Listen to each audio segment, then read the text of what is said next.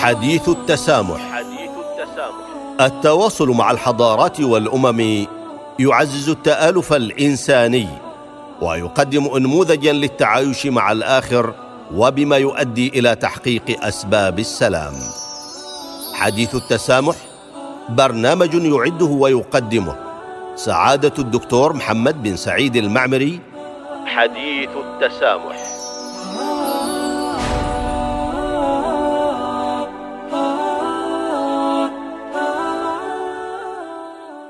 الحمد لله رب العالمين والصلاة والسلام على رسول الله الأمين وعلى آله وأصحابه أجمعين وبعد. السلام عليكم ورحمة الله تعالى وبركاته. أهلا بكم في برنامجكم حديث التسامح. هنا في هذه النافذة الأسبوعية نلتقي حول تعزيز قيم التسامح والوئام في المجتمعات وضرورتها في بناء منظومات اجتماعية وسياسية وإنسانية فاعلة وبناءه والحفاظ على المجتمعات من التطرف والإرهاب والعنف. نتحدث اليوم حول النظام الأساسي للدولة وحماية النسيج الاجتماعي والقائم على احترام القيم والمبادئ الإنسانية العليا التي تكفل للإنسان كرامته واحترامه وحقوقه الأساسية دون تمييز فاهلا وسهلا بكم جميعا. نشرت الجريدة الرسمية في عددها رقم 1374 الصادرة في الثاني عشر من يناير عام 2021 المرسوم السلطاني رقم 6 على 2021 الذي قضى بإصدار النظام الأساسي للدولة. ومما جاء في نص هذا المرسوم السلطاني تأكيد جلالة السلطان هيثم بن طارق المعظم. حفظه الله ورعاه على ترسيخ مكانة سلطنة عمان الدولية ودورها في إرساء أسس العدالة ودعائم الحق والأمن والاستقرار والسلام بين مختلف الدول والشعوب. وأكد جلالته أيضا على صون الوطن والحفاظ على أرضه ووحدته ونسيجه الاجتماعي وحماية مقوماته الحضارية. وبشكل عام فإن النظام الأساسي للدولة الذي يجسد دستور سلطنة عمان ويوفر الإطار القانوني لتطوير وتنفيذ كافة التشريعات والسياسات الحكومية. أصبح النظام الأساسي للدولة منذ إصداره الأساس لكافة التشريعات القانونية، كما أنه المرجعية النهائية للسلطة القضائية في سلطنة عمان. يحدد النظام الأساسي بشكل عام شكل الحكومة في سلطنة عمان والإطار الذي ينبغي أن تتطور في نطاقه المؤسسات التشريعية والمؤسسات السياسية الأخرى. كما ينص النظام الأساسي للدولة على إنشاء مجلس عمان الذي يتكون من مجلس الشورى الذي يضم أعضاء منتخبين ومجلس الدولة المعين بالإضافة إلى القضاء المستقل كما أنه يحدد التنظيم الهيكلي للإدارة السياسية في السلطنة ويحدد النظام الأساسي للدولة حقوق وواجبات المواطنين العمانيين التي تتضمن عدم التمييز بأي شكل من الأشكال وحرية التعبير وحق المشاركة في القرارات السياسية للدولة وحق الملكية الخاصة والحق في الخصوصية الشخصية وحرية الدين والمساواة بين الجنسين. استمد النظام الأساسي للدولة كافة تلك الحقوق من التقاليد الإسلامية العمانية وبالتالي فهو يمثل تنظيما حديثا للممارسات العمانية المتأصلة كما يوفر إطارا لتطوير التشريعات والمؤسسات والمشاركة السياسية مستقبلا. أعزائي المستمعين والمستمعات، يمكننا عند قراءتنا للنظام الأساسي للدولة أن نستشف بوضوح اتساقه مع حيثيات المجتمع العماني. فالنظام الأساسي للدولة ينطلق في مواده من التاريخ العظيم لسلطنة عمان ويلامس واقع المجتمع ومن يعاصره من تغيرات في العالم.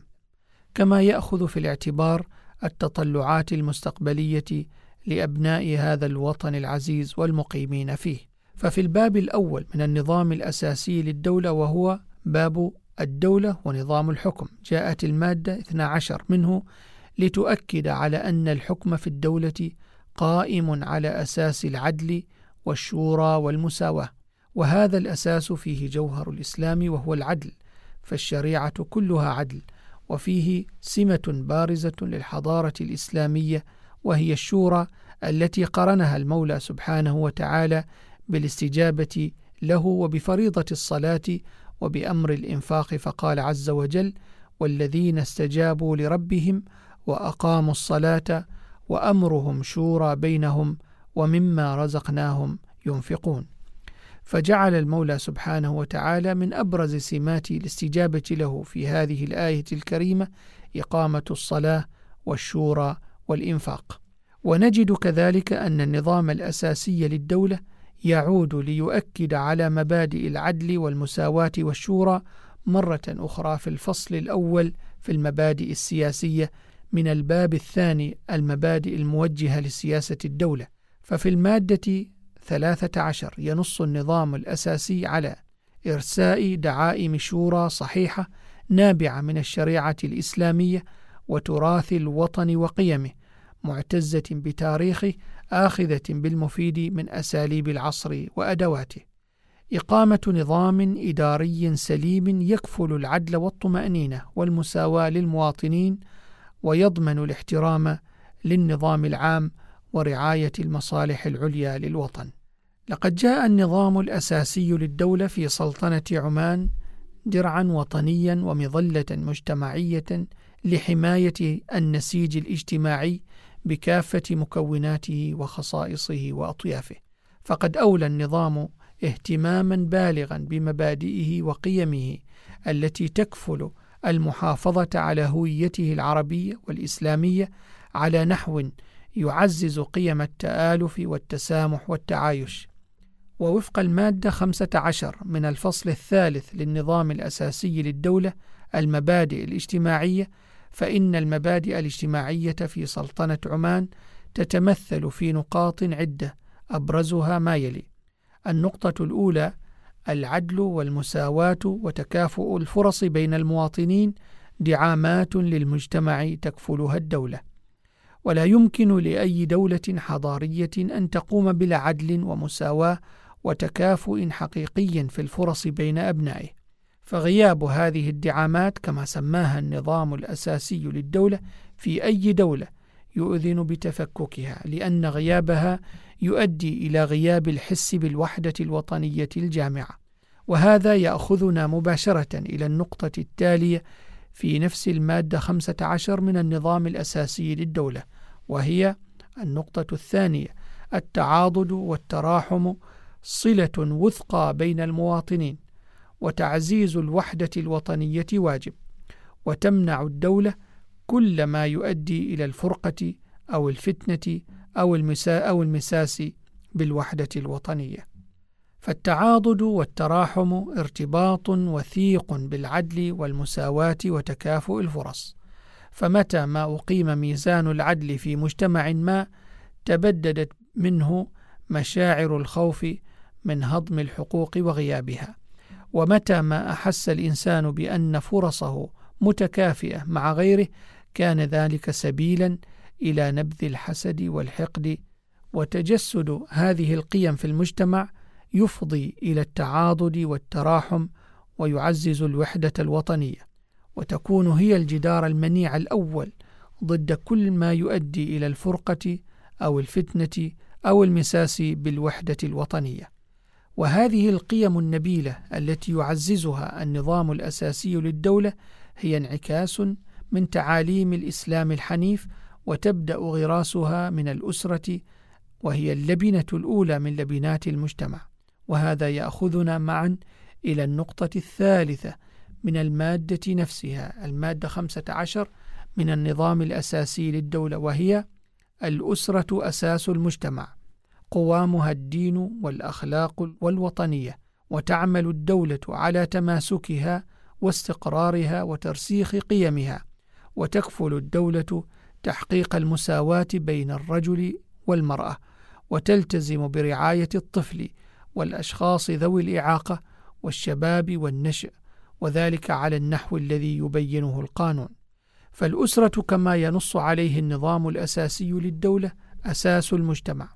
وحماية النسيج الاجتماعي لا يتحصل إلا بحماية هذا الأساس المهم الذي يعول عليه لتنشئة جيل واع بحقوقه ويتسم بالمسؤولية تجاه واجباته الوطنية فالدولة بعملها على تماسك واستقرار الأسرة تقوم بترسيخ قيمها النابعة من الأخلاق الحميدة والقيم الإنسانية والأعراف المجتمعية.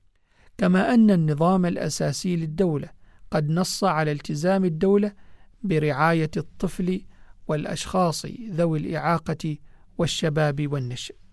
ختاما فقد نصت المادة 21 من النظام الأساسي للدولة على أن المواطنون جميعهم سواسية أمام القانون، وهم متساوون في الحقوق والواجبات العامة، ولا تمييز بينهم في ذلك بسبب الجنس أو الأصل أو اللون أو اللغة أو الدين أو المذهب أو الموطن أو المركز الاجتماعي. وهذا كله حماية وحفاظا على النسيج الاجتماعي في سلطنة عمان هذا المجتمع الذي طالما شهد له العالم بتمسكه بقيم التآلف والتسامح. ونبذه لكافة صور التطرف والعنف والكراهية.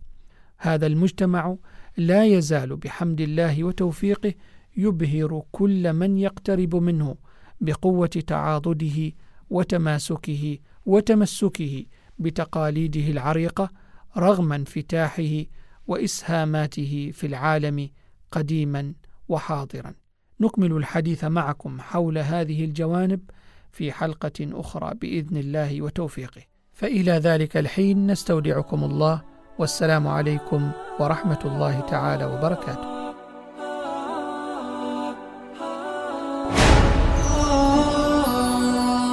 حديث التسامح حديث التسامح التواصل مع الحضارات والأمم يعزز التآلف الإنساني ويقدم أنموذجا للتعايش مع الآخر وبما يؤدي إلى تحقيق أسباب السلام. حديث التسامح برنامج يعده ويقدمه سعادة الدكتور محمد بن سعيد المعمري. حديث التسامح.